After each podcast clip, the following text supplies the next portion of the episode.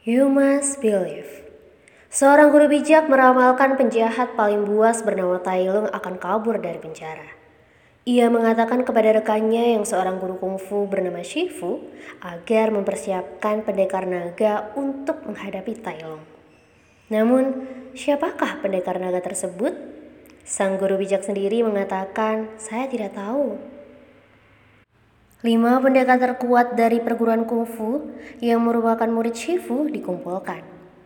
Salah satu dari mereka akan dipilih menjadi pendekar naga yang akan mewarisi naskah rahasia yang memiliki kekuatan ajaib bagi siapa pun yang membacanya.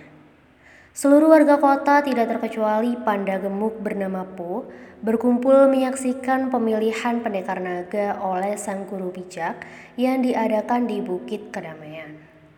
Acara pemilihan pendekar naga dimulai dan pintu gerbang segera ditutup. Tampak pada gemuk bernama Po berlari menuju gerbang, namun sayangnya ia terlambat satu detik. Dan gerbang pun ditutup. Dengan berbagai cara ia berusaha masuk ke dalam gerbang. Sampai akhirnya ia menggunakan roket yang kemudian dipasang di punggungnya agar ia bisa terbang melewati gerbang yang tingginya 5 meter.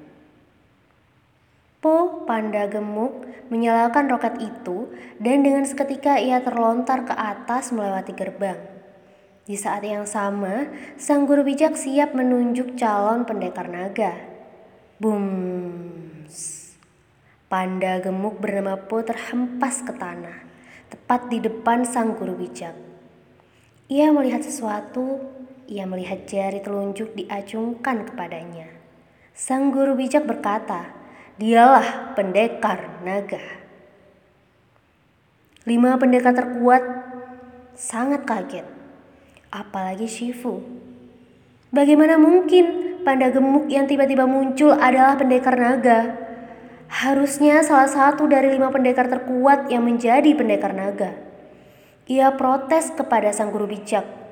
Namun sang guru bijak dengan tenangnya berkata, tidak ada yang kebetulan.